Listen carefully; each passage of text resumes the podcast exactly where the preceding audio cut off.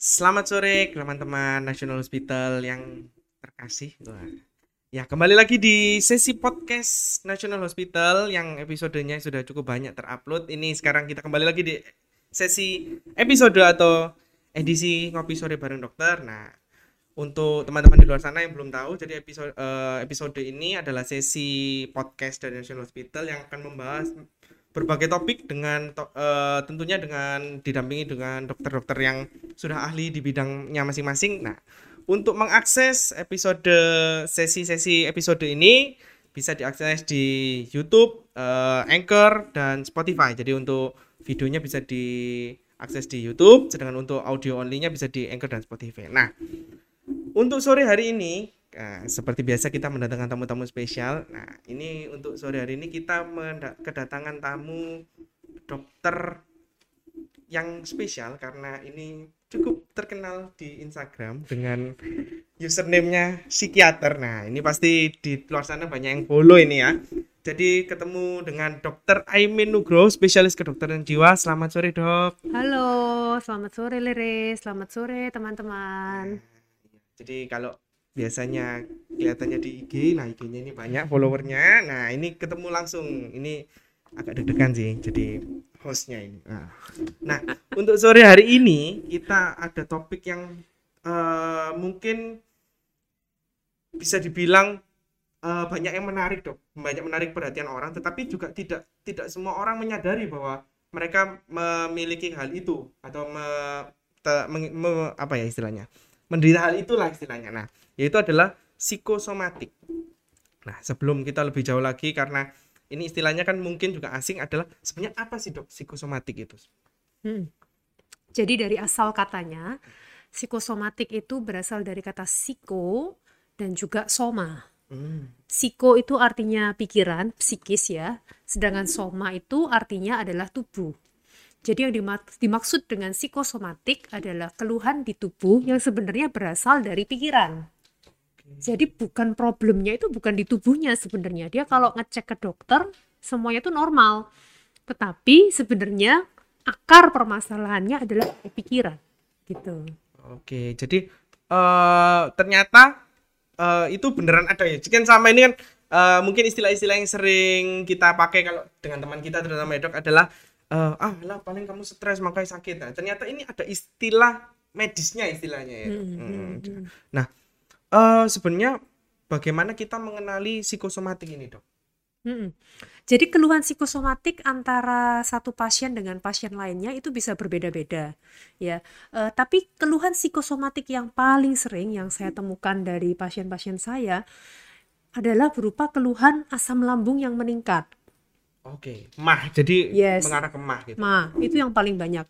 Keluhan yang lainnya juga ada berupa sakit kepala. Ya, sakit kepala, terengkuk terasa berat, migrain, sakit kepala sebelah, vertigo itu juga sering kali berhubungan dengan stres. Kemudian tinnitus atau telinga berdenging. Itu juga sering kali berhubungan dengan stres. Kemudian dada berdebar cepat, tremor atau tangan gemetar, kemudian rasa seperti sesak napas, seperti mau pingsan, tapi padahal yang nggak pingsan ya dia baik-baik aja. Kemudian juga nadinya biasanya juga meningkat di atas 100 kali per menit Oke. gitu. Kemudian kaki kaki sama tangan keringat dingin gitu sih. Keringat dingin. Hmm. Oke. Eh, jadi eh, cukup luas ya dok untuk eh, gejala-gejalanya dan Hmm, ini ya. Sehingga eh, berarti dengan luasnya gejala-gejala ini berarti hampir semua orang bisa saja terkena psikosomatik ini berarti ya dok. Ya, sebenarnya eh, hampir semua pasti bisa mengalami, meskipun tidak semua kena. Tapi si- apakah semua beresiko memiliki eh, chance untuk bisa terkena? Ya bisa aja. Oke. Contohnya misalnya eh, nggak tahu kalau Rere pernah nggak? Kalau waktu pas dulu mungkin waktu mau ujian gitu tiba-tiba sakit perut, bolak-balik ke toilet atau Oh ya ya. Jadi eh, mungkin waktu itu sebelum sidang skripsi sih dok. Jadi nggak sam sebenarnya bukan istilahnya bukan BAB beneran, cuma mules. Nah, Hmm. jadi nggak nyaman terus mungkin ya kalau keringat dingin itu ngalamin sih sebelum sidang skripsi biasanya. Hmm, ya, ya itu itu contohnya. Salah satunya juga ada irritable bowel syndrome. Itu di mana seseorang sering kali berulang kali ke eh, toilet untuk BAB padahal ya sebenarnya penyebabnya itu berhubungan dengan stres gitu atau asma biduren kulit gatal-gatal itu juga sering kali berhubungan dengan stres psoriasis itu juga sering kali berhubungan dengan stres jadi psikosomatik luas banget luas banget Jadi eh, gejala-gejala ini tentunya eh, istilahnya kalau kita mau ah aku mau mengenali secara pribadi berarti eh, sangat tidak disarankan ya dok istilahnya sangat disarankan untuk menemui dokter untuk mengidentifikasi mengidentifikasi hal itu. yes Nah, benar benar itu peringatan pertama. Seperti biasa kita sering dok kalau ini kita sering memperingatkan eh, ke teman-teman bahwa kalau memang ada keluhan, ada arah arah ke kondisi medis, sangat disarankan bertemu dulu dengan dokter. Di mana dokter akan membantu menganalisis eh, kondisi kalian teman-teman sebelum memberikan mungkin eh, pencegahan atau prescription-nya istilahnya. Nah, eh, sebenarnya eh, untuk psikosomatik ini bisa terjadi pada diagnosis apa saja ini, dok? Hmm. Apakah ada eh, diagnosis dalam eh, fieldnya atau ranahnya kedokteran jiwa ini apa ada tertentunya atau hampir semuanya bisa terjadi? Iya, jadi eh, psikosomatik itu bukan merupakan suatu diagnosa. Jadi misalnya Hmm. contoh kayak gini ada pasienku yang datang dia dengan saya diagnosis dia gangguan panik. Tapi dia bilang, "Oh, saya ini gangguan panik, tak, Dok, bukan psikosomatik." Tak." Jadi saya bilang psikosomatik itu hanyalah istilah untuk menjelaskan bahwa keluhan di tubuh Anda sebenarnya berasal dari pikiran. Tetapi untuk diagnosisnya itu bisa sangat luas, teman-teman. Contohnya bisa pada gangguan panik ya. Kalau pada gangguan panik itu biasanya dia merasakan seperti serangan panik mendadak, rasa seperti mau mati, sesak napas, mual, dada berdebar cepat, sehingga pasien biasanya sering kali ke UGD ya atau ke dokter jantung, tapi diperiksa di EKG semuanya normal. Semuanya dalam kondisi sehat berarti. Yes, sehat. Dan itu kurang dari satu jam. Jadi tiba-tiba dada berdebar cepat, tapi terus kemudian ntar nggak lama, berapa menit doang udah enakan gitu. Jadi ada pasien tuh yang cuman eh, duduk di depannya UGD, ada pasien saya tuh cuman duduk di depan UGD, eh udah, dia udah sembuh. Gitu. Cuma nunggu beberapa menit udah sembuh. Karena kalau serangan panik itu hanya beberapa menit. Jadi bisa jadi gangguan panik, bisa juga ada namanya gangguan somatoform. Gangguan somatoform itu adalah eh, orang yang memiliki keluhan banyak sekali di tubuh ya. Tetapi dicek semuanya normal. Jadi kalau gangguan somatoform itu banyak banget dan dia yakin bahwa dia memiliki suatu sakit yang parah. Misalnya contohnya ada pasien saya tuh yang udah sampai keliling puluhan dokter ya, dia meyakini kalau dirinya sakit dan dia memeriksakan seluruh tubuhnya mulai dari MRI, CT scan, EKG, Karena dia yakin sekali bahwa dirinya Yes. menderita suatu penyakit ini. Bener, sampai bone scan, sampai endoskopi dan nggak ada apa-apa, semuanya clear. Tetapi dia yakin bahwa dia memiliki sakit yang parah, yang yang yang berat. Nah itu gangguan somatoform. Ada juga eh, gangguan hipokondria. Kalau hipokondria itu keluhannya hanya di lambung, ya. Jadi keluhan di lambung itu memang sering kali sangat berhubungan dengan stres karena 90% serotonin itu diproduksi di lambung. Sedangkan serotonin itu adalah hormon happy gitu. Jadi kalau orang lagi stres, hormon happy-nya turun, otomatis asam lambungnya juga pasti akan naik sehingga dia jadi mengeluh mual Hmm, gitu. Jadi banyak yang yang keluhan hipokondria itu. Jadi dia mengeluh lambungnya kok nggak enak terus, pencernaannya nggak enak padahal ya sebenarnya ya itu sumbernya dari pikiran gitu. Kemudian juga ada gangguan cemas menyeluruh. Ada juga gangguan depresi gitu. Jadi banyak banget ya keluhan eh, psikosomatik ini diagnosis kejiwaannya apa spesifiknya bisa terjadi pada berbagai macam diagnosis. Untuk pastinya Anda lebih baik datang untuk berkonsultasi ke psikiater Anda karena untuk memastikan dok ini kira-kira jenisnya yang mana gitu. Jadi yang pertama mungkin kalau boleh di se- aku highlight ya dok, berarti psikosomatik ini adalah kondisi di mana tubuh eh, tubuh ini terpengaruh dari pikiran sehingga istilahnya berefek pada perasaan bahwa dia memiliki sakit secara fisik. Yes. Nah, Hmm. sedangkan untuk diagnosanya itu berbagai macam eh, banyak sekali Kemungkinan kemungkinannya juga banyak, sangat luas sekali sehingga sangat diperlukan eh, bantuan profesional dalam hal ini adalah dokter untuk memberikan diagnosa yang tepat dan untuk tentu untuk penanganannya otomatis. Hmm. Sebenarnya, nah ini kan eh, berhubungan dengan pikiran ya dok. Jadi kan kita sering kepikiran dan lain-lain. Sebenarnya apakah ada dok dampaknya itu selain ya dari pikirannya, secara fisiknya apakah ada dampaknya dok? Seperti itu. Dampaknya ke tubuhnya, ke Iya. kualitas hidupnya Mm, gitu. Oh, betul, sama- tentunya itu amat sangat luas ya dan sangat bisa. Contohnya misalnya pada orang yang ternyata dia memiliki gangguan depresi ya, yang disertai dengan keluhan psikosomatik ya, maka dia uh, akan ada sedih, menangis, merasa dirinya nggak berguna, nggak mau makan, kemudian uh, merasa lebih baik mati kalau parah dan kalau parah bisa sampai bunuh diri itu bisa. Contohnya misalnya ada pasien saya yang banyak keluhan di tubuh, dia nggak bisa tidur, hmm. perutnya mual terus, sedih, menangis gitu. Akhirnya dia ya sampai menurun kualitas hidupnya, nggak bisa kerja, ya kan? Jadi hubungan juga mungkin hubungan dengan uh, sosialnya juga terganggu. Terganggu. Kalau depresi biasanya kan ada menarik diri hmm. gitu. Jadi sangat luas dan bisa juga kalau Anda banyak keluhan uh, psikosomatik misalnya seperti orang-orang yang panic attack itu mereka jadi ketakutan untuk ditinggal sendiri biasanya kalau yang panic attack okay. ya. Mereka biasanya minta selalu ad, harus ada keluarga yang menemani takut sendirian kemudian sering kali panic attack panic disorder itu juga e, disertai dengan agorafobia sehingga pasien-pasien itu banyak yang takut berada di tempat-tempat yang mana mereka sulit untuk keluar atau escape atau melarikan diri contohnya kalau mereka di macet tuh banyak yang kena serangan panik panic attack saat kemacetan karena mereka merasa terjebak dan mereka nggak bisa keluar. Ada juga banyak yang panic attack itu ketika di dalam pesawat. Oke. Okay. karena kalau pesawat udah tutup kan nggak ya, bisa keluar kan? cuma satu lorong nah, itu aja. itu uh, itu banyak yang panic attack.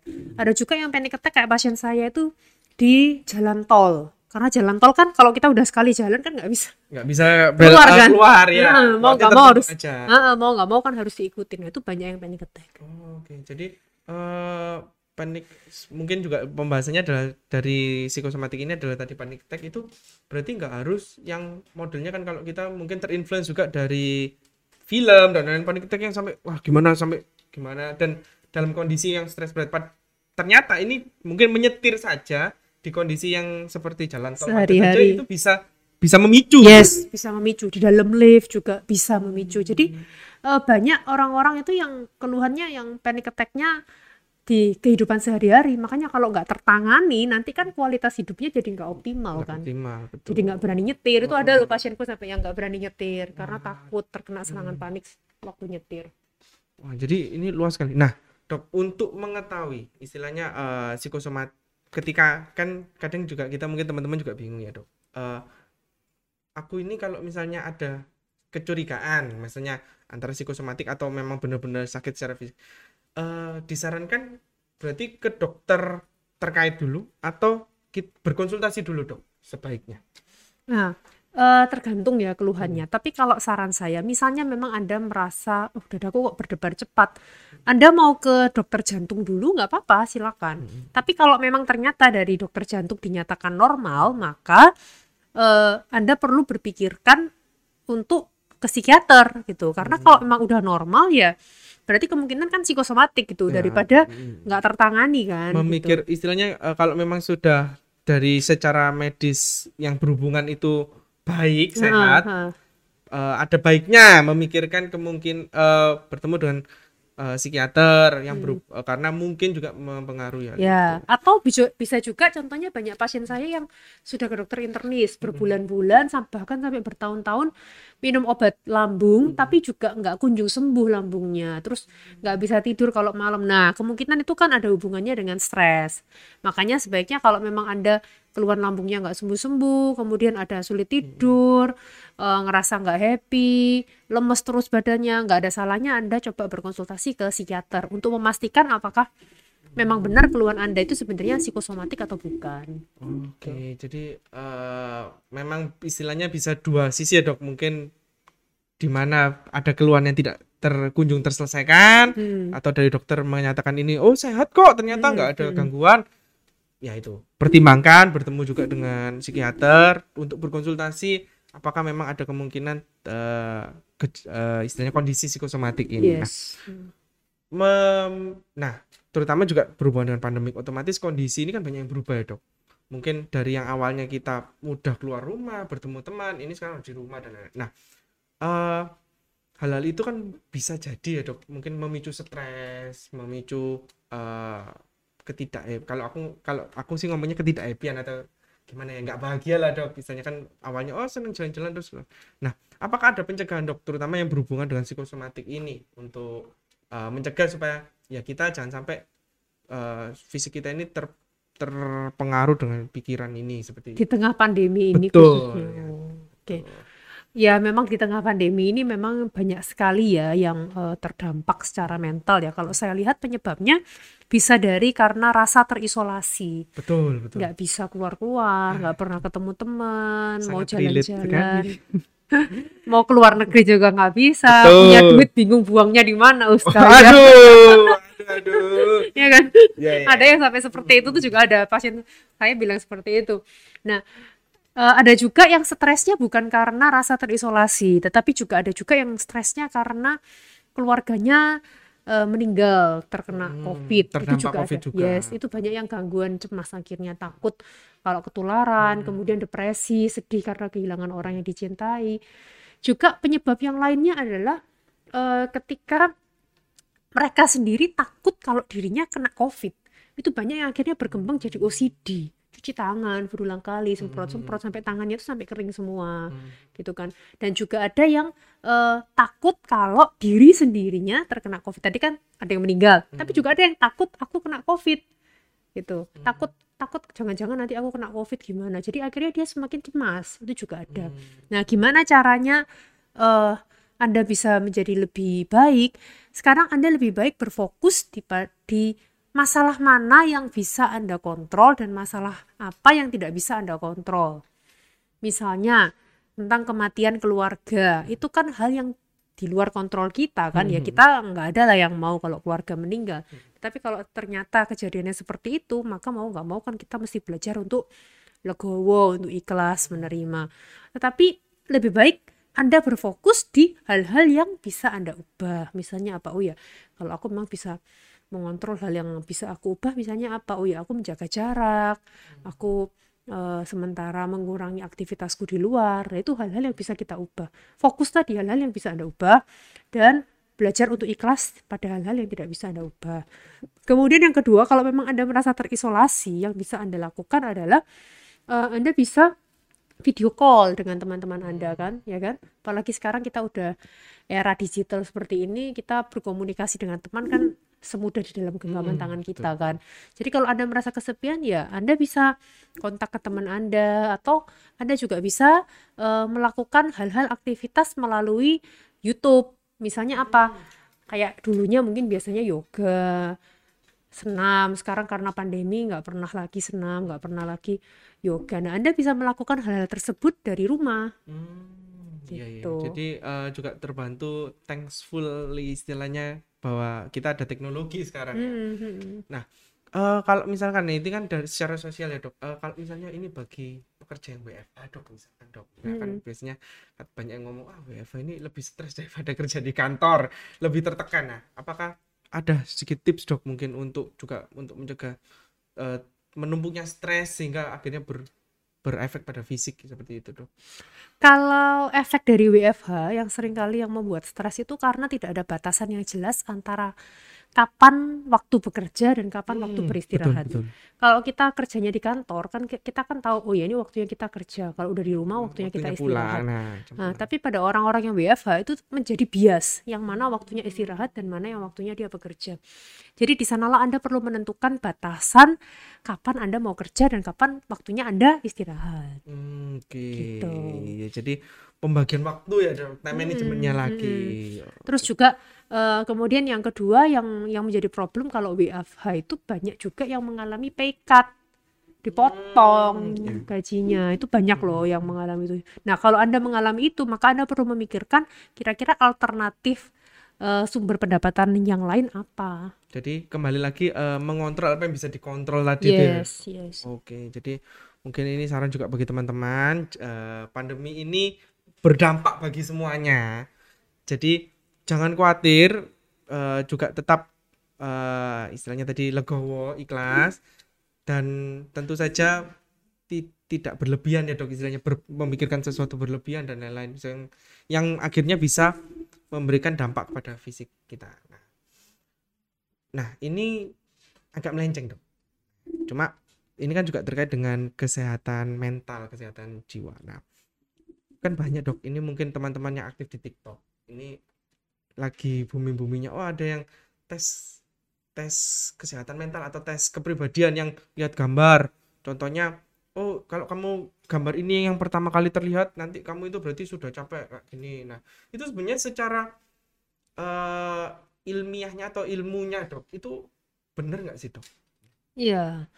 Jadi memang kalau di psikologi itu mengenal namanya tes proyeksi gambar. Itu memang ada. Hmm. Ketika kita ditunjukin gambar yang abstrak, lalu Anda disuruh membayangkan apa yang pertama kali muncul di dalam benak Anda melihat gambar abstrak tersebut. Itu memang ada. Hmm.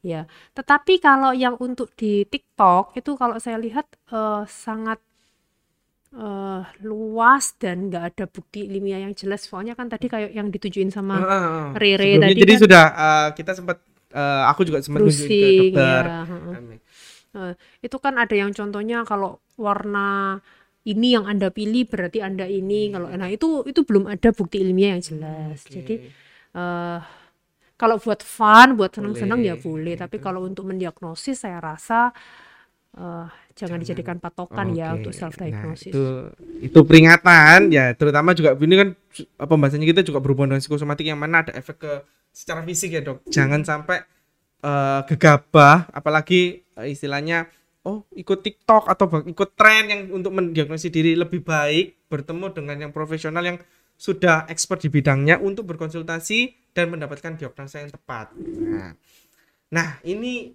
buat teman-teman nih yang wah kayaknya aku perlu nih ketemu sama dokter Aime ngobrol-ngobrol konsultasi. Nah, dokter Aime kalau di NH prakteknya jadwalnya bagaimana dok? Uh, saya di NH setiap hari Senin sampai Jumat. Pagi saya selalu ada di NH dari jam 9 pagi sampai jam 12. Kemudian hari Selasa dan Rabu sore jam 5 sampai jam 8 malam. Oke, nah itu ya yang mau ternyata dokter Aime jadwalnya banyak sih. Nah, yeah. Jadi bisa disesuaikan. Nah, yang butuh konsultasi. Nah, oh ya, satu lagi dok kalau misalnya mau telekonsul, berarti ada nggak dok kalau telekonsul ini? Oh ya, tentunya ada. Jadi telekonsultasi, Anda bisa langsung download National Hospital Apps di Google Play Store atau di App Store. Kemudian nanti Anda bisa memilih uh, telekonsultasi bagian psikiatri dan bagian uh, dokter Aime. Kemudian nanti bisa memilih jadwalnya. Memilih nanti jadwalnya. Nah, tuh. Jadi uh, sudah sangat praktis dari bisa kalau mau datang langsung bisa ketemu dokter Aime langsung atau mau lewat konsultasi juga bisa nah ini dokter Aime harus terkejar-kejar banyak banyak klien wah banyak banyak yang uh, ingin ketemu dokter Aime nah ini jadi pembahasannya udah panjang banget tentang psikosomatik. Banyak banget yang sudah kita dapatkan juga dok. Ilmu-ilmu buat teman-teman di luar sana. Dan sekali lagi jangan lupa uh, dapatkan pertolongan profesional jika ada keluhan. Jadi jangan sampai didiagnosis sendiri yang akhirnya bisa uh, berakibat mungkin kurang baik lah bagi kita. Nah, uh, terima kasih banyak Dokter Aime. Nah, ini jarang-jarang ini dokter selebgram. Wah, enggak lah. Saya yang grogi di sini. Nah, juga jangan lupa uh, podcast ini bakalan diupload di YouTube yang mau lihat videonya atau yang mau mendengarkan secara audio only bisa di Anchor maupun Spotify Nah, jadi untuk video ini bisa diakses, bagikan juga, bisa share atau kalau mau ada yang saran mau membahas tentang apa di selanjutnya, jangan lupa komen di YouTube kita untuk topik-topiknya dan kalau mau mengakses episode episode episode lainnya bisa juga di uh, YouTube, Anchor maupun Spotify kita. Nah, uh, terima kasih banyak Dokter Aime buat teman-teman di luar sana. Sampai jumpa di edisi selanjutnya. Dadah.